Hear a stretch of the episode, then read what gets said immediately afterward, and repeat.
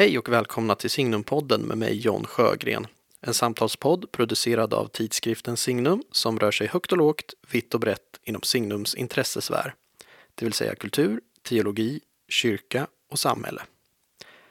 Gäst i det här avsnittet är den amerikanske och katolske teologen William T. Kavanaugh. Kavanaugh har gjort sig känd som en av de ledande politiska teologerna och har tidigare skrivit om bland annat religiöst våld och konsumism. I sin kommande bok The Uses of Idolatry skriver han om avgudadyrkan som ett av vår tids stora problem. Är vi verkligen så sekulariserade som vi tror? Har det heliga i själva verket bara förflyttats från den religiösa sfären till den sekulära? På vilket sätt är konsumism och nationalism en form av avgudadyrkan? Och hur kan inkarnation och sakrament fungera som ett botemedel mot avgudadyrkan? Det är några av de frågor som tas upp i avsnittet. Hoppas att ni ska finna samtalet intressant.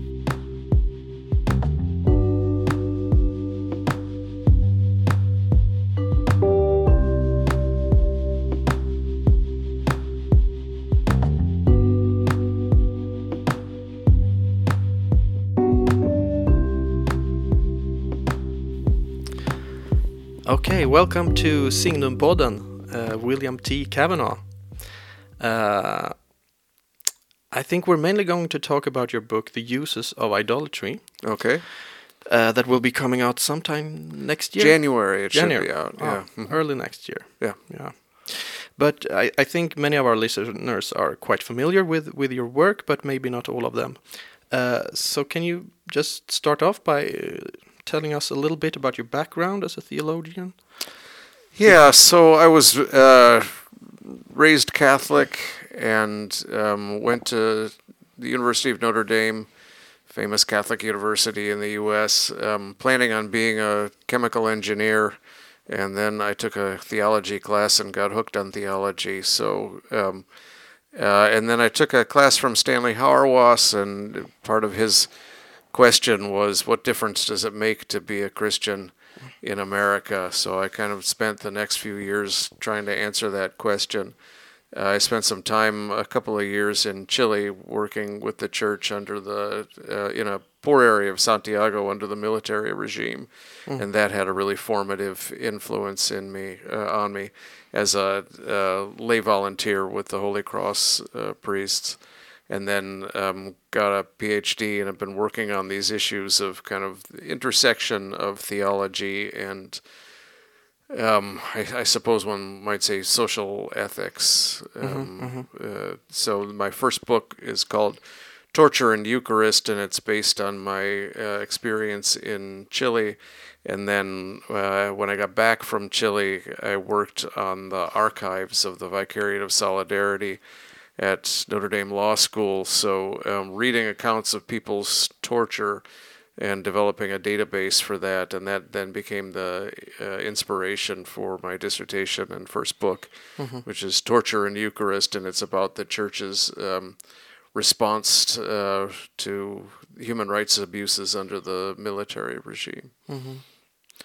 And then you've written about, uh, you wrote a, a large book on uh, religious violence, right? Right. Yeah? Yeah. Yeah. when was that? That it's called the myth of religious violence. Uh, that came out in 2009. It was based on. Uh, it started as a term paper in graduate school. Um, I was reading, taking a course in political theory, um, and all of these uh, liberal political theorists kind of basing liberalism on the idea that uh, it was necessary to save us from religion, which is inherently violent, and the wars of religion, and so on. And so I started to look into that narrative and discovered that um, the historical uh, record is is very much more complicated than that. It wasn't it wasn't just Protestants against Catholics in the in the wars of the so-called wars of religion. It was Protestants versus Protestants and Catholics versus Catholics, and um, you know well, Sweden and Cardinal Richelieu was the was the ally of of Lutheran Sweden in the in the Thirty Years' War and so Yeah, on. yeah, yeah. So. Um, so that then uh, became an article and then eventually became a book where I kind of take apart this idea that there's something peculiar called religion, which has a, a, a tendency to promote violence in ways that secular things don't. Yeah. And so I kind of look at the the development of this whole religious secular distinction, which is a modern uh, distinction, and basically argue that people kill for all sorts of things. They kill for gods, but they also kill for flags and oil and nation states and the workers' revolution and so on. Sure. Yeah.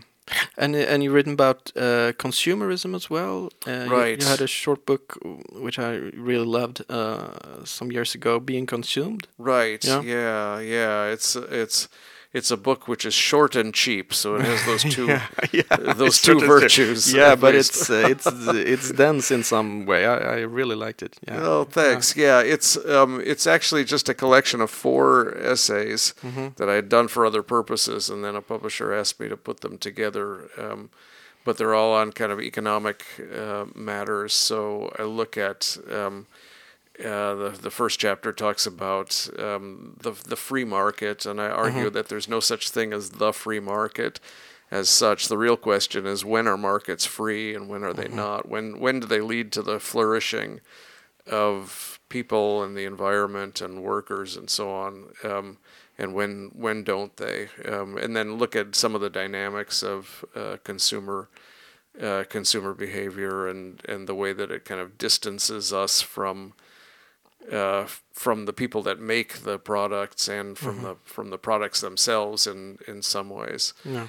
Um, so th- that book actually, I'm I'm going to be working on an updated version Really? of that book um, because that kind of all that was written before the advent of online shopping and Sure. Amazon, Sure. and that has kind of changed things um, uh, again. Yeah, you touch about upon that in in this new book. Right, Yeah, exactly. mhm. Yeah, And you have a, a chapter on consumerism there as well. right. Yeah, so I think we're going to talk about it a little more Sure. later. Yeah. Yeah, but but in in your earlier works, you actually you touched upon the question of idolatry, Right. uh, which is the theme of, of the new book. Um, uh, is this new book sort of a summary of your theologic work? Would you say, or is it something new? Or Yeah, that's an interesting. I mean, in some ways, um, a lot of the stuff that I've been doing points towards this book, and in some ways, you could see it as a sequel to the myth of religious violence, because the that book um, argues that you know people have a tendency to treat all sorts of things as if they were gods. yeah, Um, and so I don't go into the theology in that book, and so I, I kind of promised I would come back and do that uh, in this book. And so, yeah, I mean, a lot of what I've done over my career is look at the ways that people treat other things, especially kind of political and economic realities, as if they were gods. And so this is an attempt to kind of come back and, and work that out in a really systematic and interdisciplinary way. So it's a it's a long book. Um, it's a big fat book. Um, yeah, but I've really kind of tried to work this out in a in a in, in a serious uh, way. So uh, hopefully, um, uh, uh, not in a tedious way, but a no, no, no. way. It's very yeah. It's it's very. Uh, it's not hard to read. Well, no, it's good, it's a it's a big book, but it's it's very readable. well, yeah. good. I I try to write readable prose. Yeah, yes, it's very, it's very, it's a beautiful prose. Um, but I, I, I think in some way it's it's very natural to for a, th- a theologian to, to deal with idolatry because isn't idolatry in, in some fashion the the grand uh, theme of the Bible in some way? I mean, It's- uh, it's like every time there is something's going wrong in the Bible, especially in the Old Testament, it's almost every time it's because of idolatry or bad praise. You know, bad versus right praise or bad versus right worship. That's the grand theme of the Bible, isn't it? It is. It- yeah. I think that's right. I mean, it's it's kind of the subject of the first commandment uh, as well. Mm-hmm. sure. Um, and it's you know it's there in the New Testament as well. You know, you cannot serve both God and money, Mm-hmm. and you know as Jesus says, and so on. So yeah, it's a really important biblical theme, but it's amazing how little um, systematic theological work there is on idolatry. It's kind of everywhere and nowhere. So you get um, a, people throw around the term idolatry a lot. Um, and you know Pope Francis uses the term a lot, especially when he's talking about the economy and so on. And so it's not an obscure idea at all, but it's just I don't think it's really kind of been worked through systematically and in an in, interdisciplinary way. There's a lot of uh, scriptural scholars Yeah. that have written on idolatry in the Bible, but whenever they make the connection to the modern world, they do so very kind of briefly and Yeah. tentatively. And so I so I, I thought it was uh, a worthwhile exercise to kind of do this. Um, uh, in a in a systematic way and in a in an interdisciplinary way too. And so the the book, you know, the first chapter is on Max Weber, who's a sociologist, and the second chapter is Charles Taylor, who's a philosopher, and the third chapter is on the Bible, and the fourth is on Augustine, and the fifth is on uh, phenomen- French phenomenologist Jean-Luc Marion, and then you've got a chapter on nationalism mm-hmm. where I use a lot of political science, and then mm-hmm. a chapter on consumerism where I use a lot of economic history and so on, and then a final chapter on uh, incarnation and sacrament, which is theological. Mm-hmm. So I, I think you know if if you take this idea that you know, religion is not something which is confined to religion, right? Yeah, yeah, yeah, yeah, sure. then then you sort of need to do this in a in a kind of interdisciplinary way. Yeah, so we can start there uh, with the, the uh, perhaps the Max Weber uh, thing, uh, b- because in this book you, you question some of the the binaries uh, with which we in the West have have learned to describe our world, uh, such as modern, pre-modern, and enchanted, disenchanted, um, secular, religious, and so forth. Um, and you argue that that um, idolatry, what you're doing in this book, the your idolatry critique, uh, helps overcome these these binaries. Uh, but can you talk about a little bit about these uh, binaries uh, and why you find them problematic? Sure. Um, a lot of them are um, just different forms of self flattery, I think, in some ways, right? So um, we we like this idea that the modern world is disenchanted. You know, people over you know in the past or people you know in foreign exotic places still believe in ghosts and gods and wood sprites and so on, but we are mature, you know, enlightened people, and we don't believe in that sort of nonsense anymore. and um, and I think even Max Weber didn't believe that, right? Max Weber is famous for his term Entzauberung, the unmagicking of the world and and he uses he uses that word just a, a handful of times late in his career, and he never really develops it. But that takes on a whole life of its own. It Yeah, gets- that's what he's most famous for. Oh yeah, absolutely, mm-hmm. right? You know, mm-hmm. and and it gets translated as disenchantment Yes. in English, and it's all you know. We live in this disenchanted world, and so mm-hmm. on. And he does say that, but then he also says, um, you know, many old gods ascend from their graves and take the form of impersonal forces. And he's talking about capitalism. He's talking about bureaucracy and the nation state. And he's got this whole other theme where he he sees that um, that the more you try to kind of rationalize everything, the irrational comes back, Sure. and and we kind of make these gods that oppress us. And he th- and so that you've got Marx and Nietzsche who thought that once we got rid of the gods, we were going to be free. Mm-hmm. And Weber thinks that's nonsense, that we're not going to be rid of the gods, that we just make them up. And because there is no God out there, nothing kind of at the basis of the universe, we're all just making it up, then we create these these kind of forces that we we we have no recourse to them. They just kind of react back upon us, mm-hmm. and we end up in the same. He was very kind of pessimistic uh, in this way. So this fits in perfectly with this idea of the biblical idea of idolatry that we're constantly making mm-hmm. making gods that then kind of react back against us and and oppress us. Mm-hmm.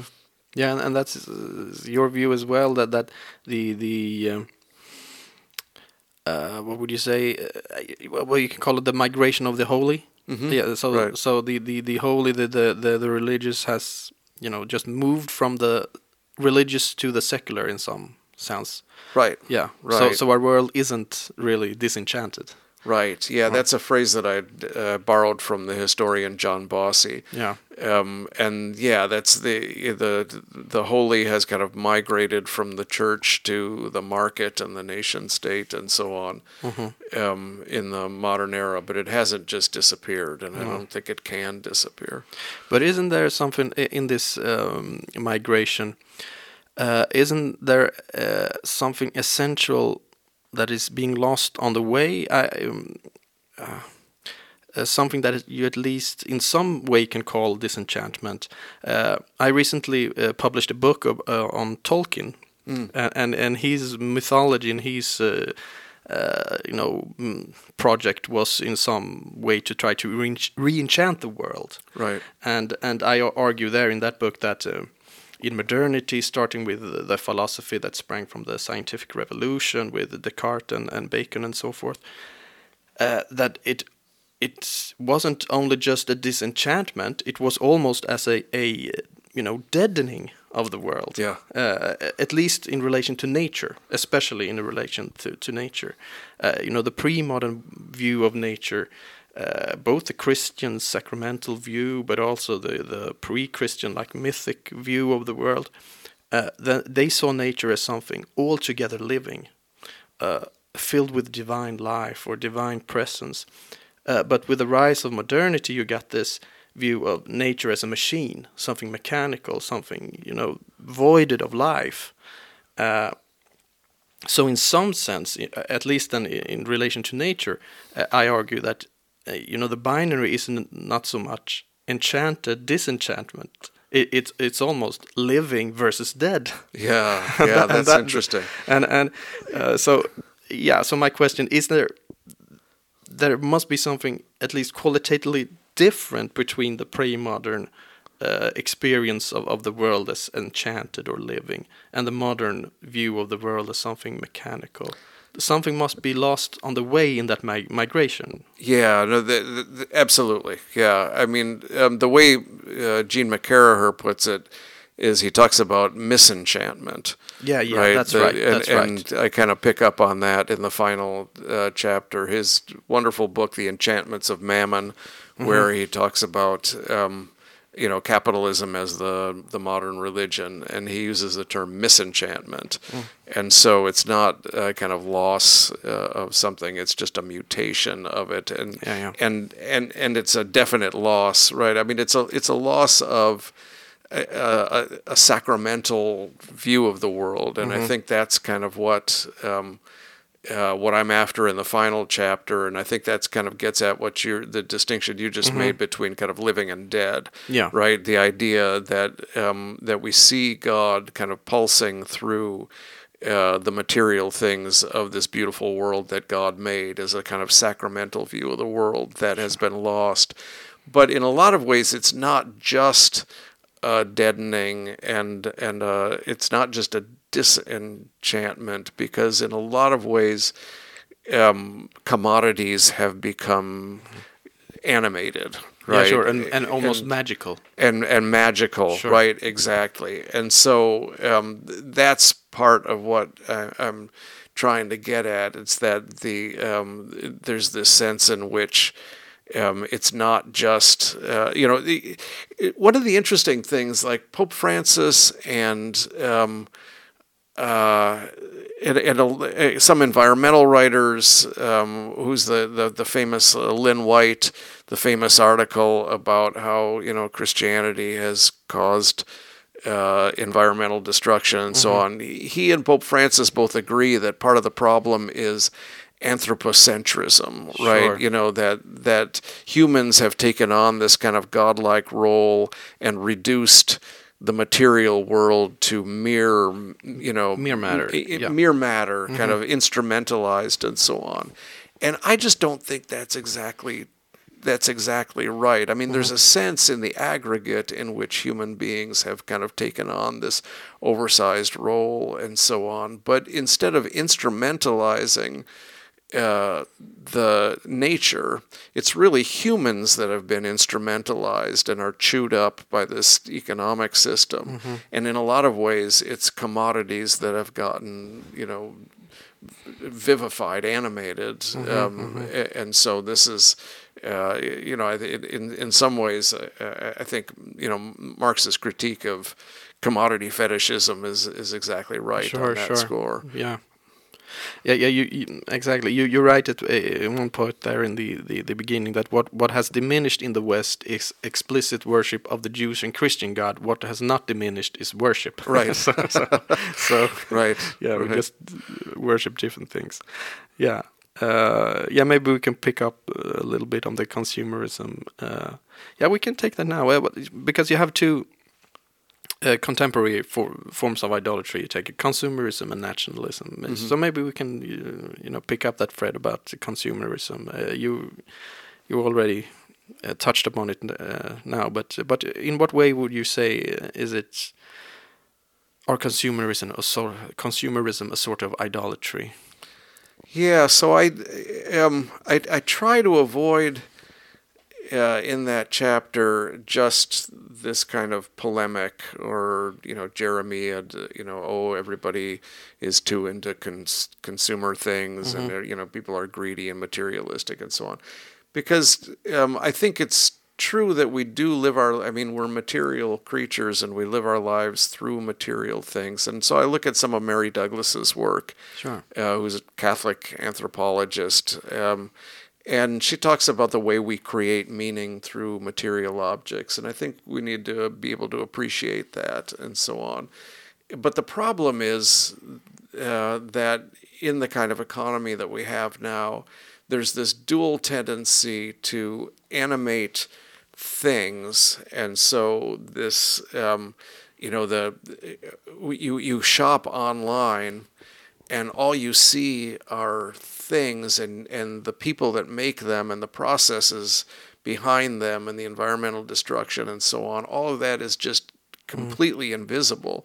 You all you see are products and then you click and they magically appear on your doorstep in a box with a big smile on it right um, and so there's this animation of objects, and at the same time, there's this tendency to, to suck the life out of human beings. All of the people that are actually making those deliveries possible, the people working in Amazon warehouses, and the people, you know, working in the factories in Thailand for you know 40 cents an hour and all that that kind of stuff. And so um, uh, so in in that precise sense, uh, and there's the same uh, dynamic that you find in the Bible, you know, Psalm 115, Psalm 135, Isaiah 44, talk about this uh, dynamic in which people make uh, graven images, make idols that are in fact dead material, but they breathe life into them, and at the same time, life is drained away from them. They become as mute and lifeless as the gods that they uh, create, and and so the the Bible has anticipated this critique, I think, sure. by th- thousands of years. Yeah, yeah, yeah, sure. Yeah. Yeah, like we said, it's like the grand uh, theme almost of the Bible. yeah. Yeah. Uh, yeah, we- but you have this also, yeah, that consumer culture embodies one of the principal dynamics of idolatry, and this is like a a a, a um, yeah one of the main thoughts in your bush that we're we're getting oppressed by our own gods, Right. The, the gods of our own making. We're being oppressed by the products of human making. Can you talk a little about that? How the the gods we we create and uh, idolize they they become our uh, oppressors. Right. Yeah, that's the whole. I mean, the. I think we misunderstand the biblical critique of of idolatry if we just think that it's about a jealous God saying, "No, you have to worship me. You can't worship anybody else. All all glory and praise and honor should go to me."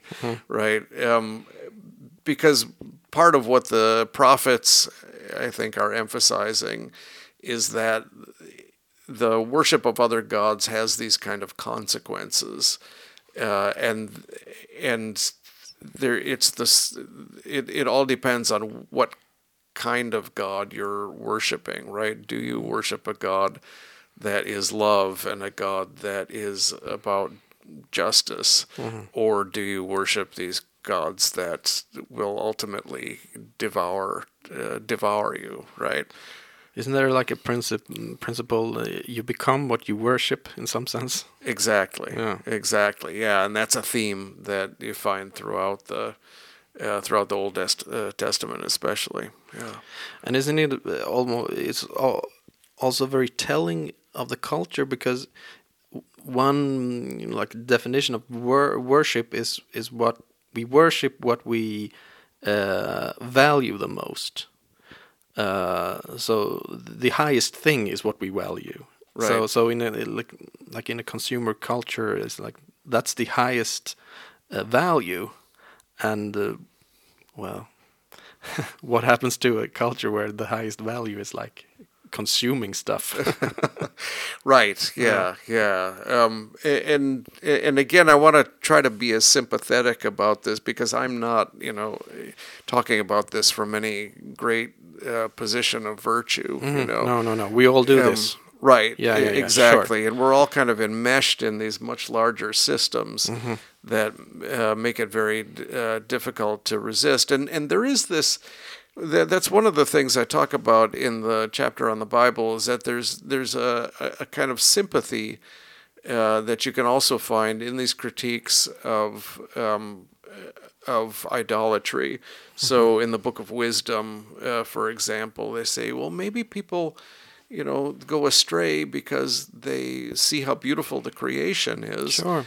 And God is, you know, the creation that God has made is beautiful, and and so it's a natural sort of thing. And I think that's right. I mean, it's hard to worship an invisible God. Sure. And so, uh, you know, Paul in the, you know, his speech to the Athenians in Acts 17, to he has a, a real sort of sympathy for you know you're you're groping for God and and you'll you'll find God because God is near uh, to to us. Sure. Um, and so it, it, it's it's a sort of natural uh, tendency of humans to um, to to kind of look more closely at the the the beauty of creation and kind of become caught up in it. Um, and so there's a and and that's kind of what gets us out of bed in the morning too. Sure. These sort of desires uh, are are what are our motor that kind of moves us. And Augustine, I think, is very good on this. Um, but then there's this danger that you become fixated on things, and they it ends up kind of e- eating you alive. Sure, and, and there you have the Augustinian thing uh, again. You know, our, our heart is hungry. Our, our heart is longing for God, but we fill Right. it with other things than uh, than God. Then we never get satisfied. Right. Uh, so Right. it's this, uh, yeah. Uh, We have to have that drive, but we fill it with with something lesser than God, Right. because that's the, I I guess the sort of definition of worship that we make something God that is lesser than God. But Right. but as you say, we do this all the time. Sure, we're- yeah. yeah. Right. Yeah. I mean, th- and that's why idolatry critique should primarily be self-critique. Sure, sure. Right, you Yeah, know, and- you emphasize that in your book very. Uh, Yeah, beautiful. yeah. We, we we all worship and we all worship badly is something Yes, that I repeat. yeah, yeah. Right. Uh, you also uh, uh, have a section on a chapter on nationalism, uh, which you call a splendid idolatry. Uh, that that calls forth some real virtues, but in the end, you you say it's it's just another form of collective narcissism. Uh, can you talk about a little bit about nationalism? Because of course, uh, in the U.S., but uh, also very much here in Europe, has been a big issue latest 10, 20 years. Um, Right. So, so can you talk a little bit about nationalism as a form of idolatry? Why is it uh, good to think about it as a idolatry?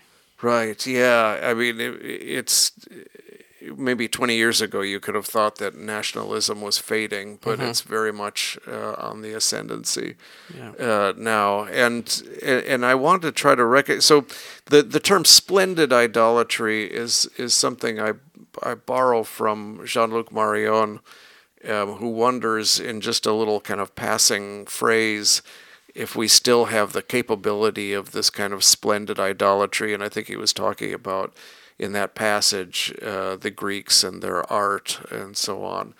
Um, but I, I take that phrase to mean that there is something uh, beautiful and uh, important in this kind of movement of the self out of the self and this dedication to something larger uh, than the self and care for one's neighbors uh, that's at the heart of um, you know nationalism at its best, right? This kind of self-sacrificial uh, offering of oneself to to something larger uh, than than oneself, and so in that sense, I call it a, a, a splendid idolatry as opposed to the unsplendid. Idolatry, unsplendid is a word I made up. the unsplendid idolatry of, of consumer uh, culture. Um, so there are real virtues there, but um, but for but I look at what Aquinas says about uh, virtues and worship and so on, and of course it all depends what the object of worship is. And ultimately, I think Durkheim was right that um, uh, the object of worship is really self worship. It's the kind of Yeah, yeah, yeah. worship of the collective uh, self. And so you don't overcome this kind of narcissism of idolatry. You just blow it up into this kind of collective narcissism. Uh, and that has tremendously dangerous uh, connotations. You know, it, uh, nationalism is frequently associated with violence and racism and, you know, colonialism and so on. Sure, um, And so, um, so yeah. So in some ways, it's precisely because of its proximity to virtue that it's so dangerous. And you you argue, uh, I think that that the nation states, uh, if they're going to survive, they need a sort of devotion, right? Uh, in some sense, nationalism needs to be religion if it's going to, you know, survive in some sense. Yeah, I mean, I think that's especially true of a nation like the United States. I mean, so, th- mm-hmm. so I, I want to recognize that there's all kinds of different mm-hmm, mm-hmm. nationalisms out Sure. there. Some are more benign than others, uh, and some might have a kind of unifying effect. You know, um, I've got a friend who's working on nationalism in South Africa, and this idea yeah. that you bring whites and blacks together by something kind of larger.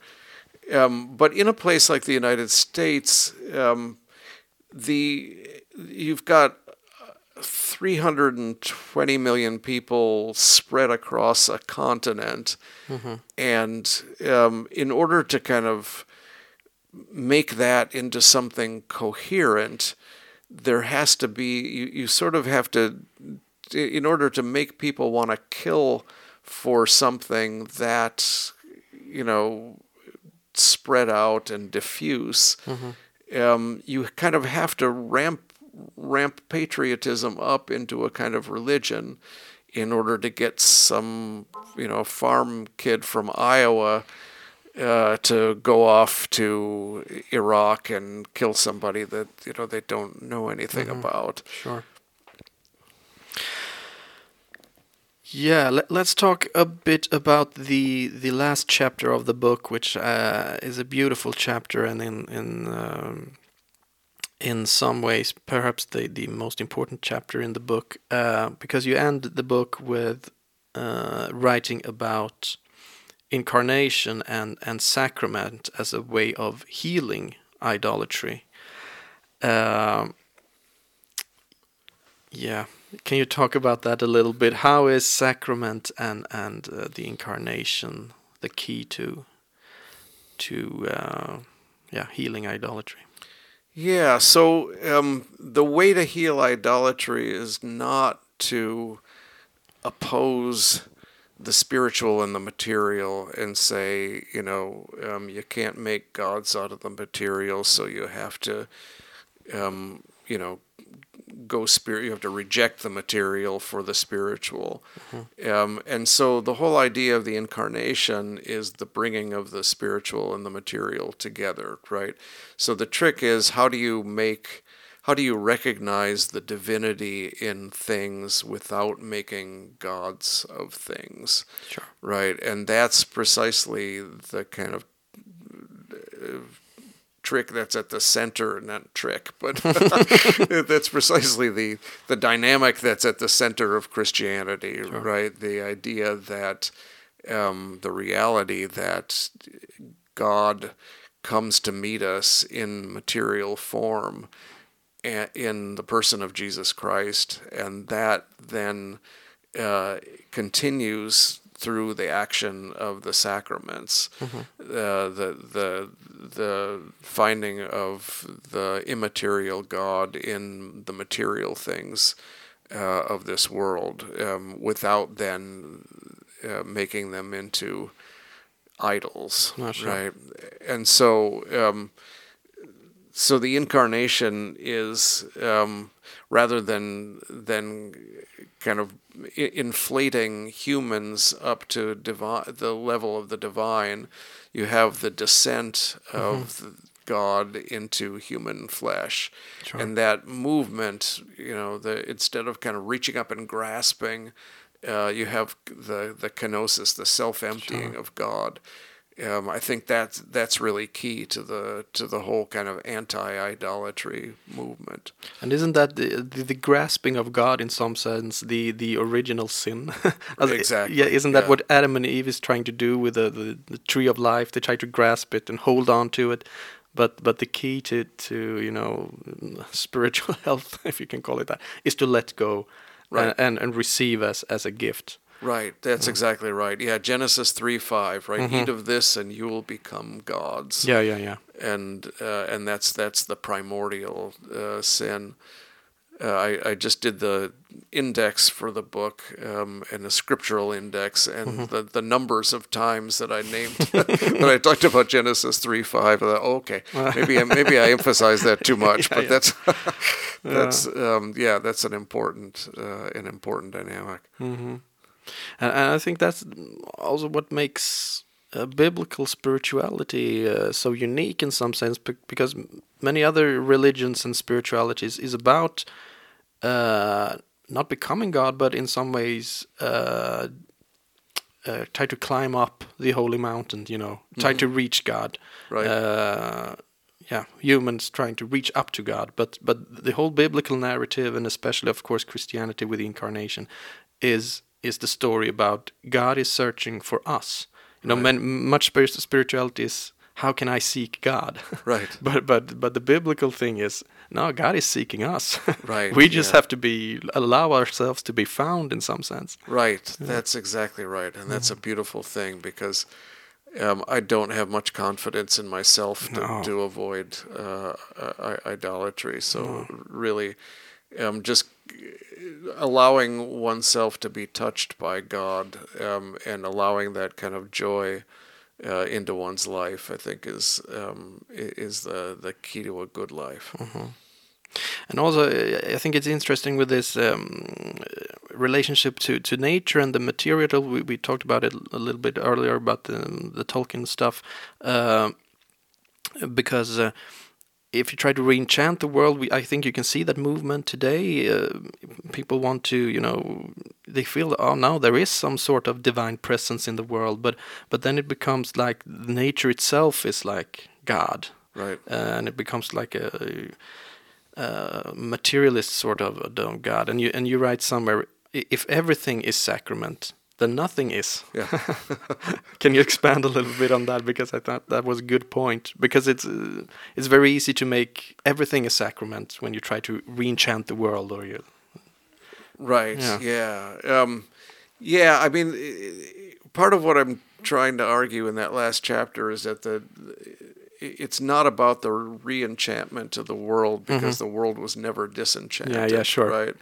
And so it's a question of um, it not just do we see divinity in things, but which divinity, right? Yeah, yeah, yeah. Um, and that's the that's the whole key. Mm-hmm. Um, is it uh, a kind of generic divine onto which we inevitably kind of read our own desires, or is it the God who comes to to meet us and reveals God's self in a way that's completely surprising and and un um, uh, not not the God that we would have made up if we had been left to our own devices. Uh, you talk a a little bit uh, shortly in the last chapter also about, uh, as we talked about consumer culture uh, before, uh, a sacramental economy and what we would look like in practice. Uh, can you say something about that? How, how, how can we imagine a, a sacramental economy?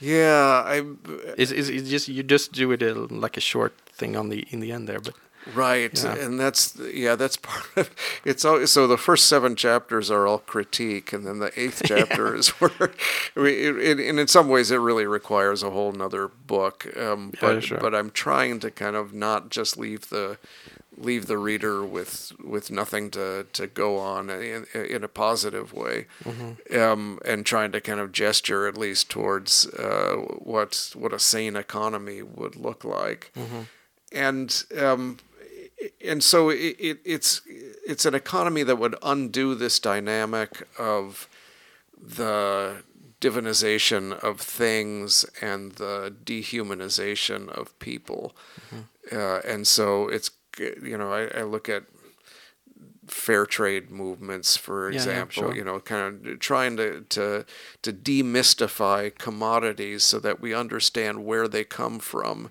and what cost, you know, the the people that are making them.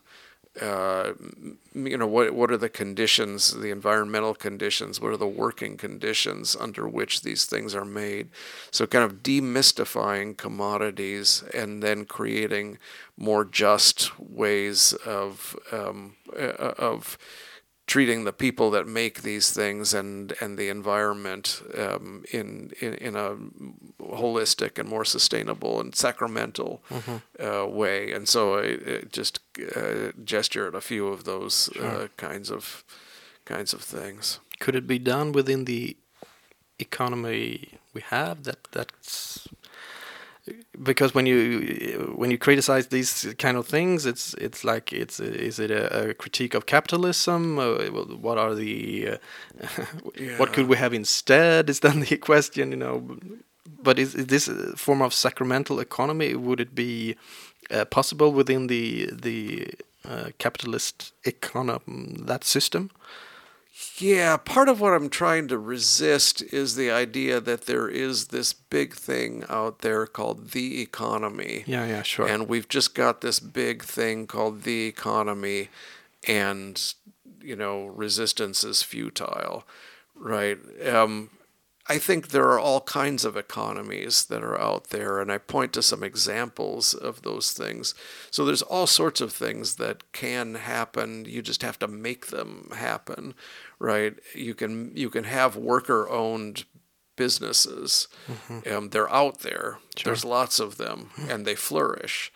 Um, but you just have to think differently about what um, what it means to uh, to, to have capital, Sure, right? sure. Um, what it means to to do labor, um, the the kind of not just take as our default position this idea that some people are the owners of capital and other people are the laborers, and the owners of capital hire the laborers for whatever they can, you know, as low a wage as they possibly can, and we just tend to think that that's natural, and it's not natural, right? It's it's idolatrous to think that way, and so it it's just a matter of of creating other kinds of, of economic spaces that uh, allow for the flourishing of all the different parties involved. And it's possible and it's done out there. And I give lots of examples in being consumed of, of people that are doing these things. But we just need to be able to, to you know, use our imaginations Yes, and make it think happen. outside the box a little bit. Yeah. yeah. Uh, just one last thing. Uh, I, I think you you end the book in in such a lovely way uh, by writing that the opposite of idolatry is joy. Yeah. Can you just, uh, uh, as finishing here, to say a little bit about that? How is Yeah. joy the opposite of idolatry? I mean, if we had this kind of economy that I'm talking about, what a joyful thing it would be. And people, I think, get a taste of that when they go to a farmer's market or, you know, have these kinds of interactions.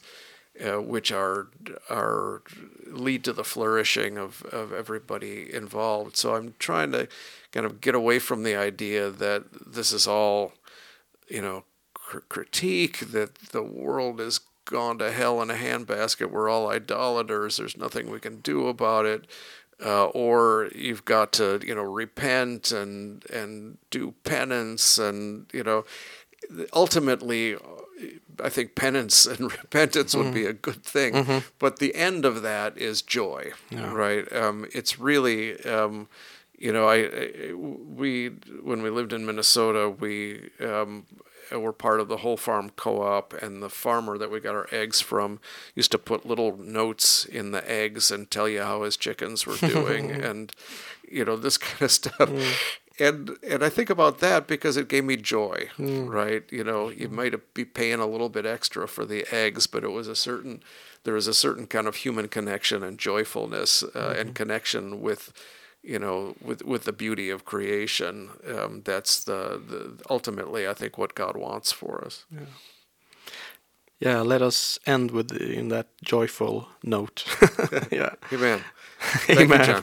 Thank you, William T. Cavanaugh, for, for being on the podcast. Och eh, tack alla ni som har lyssnat. Lyssna gärna på oss igen i nästa avsnitt. Hej så länge.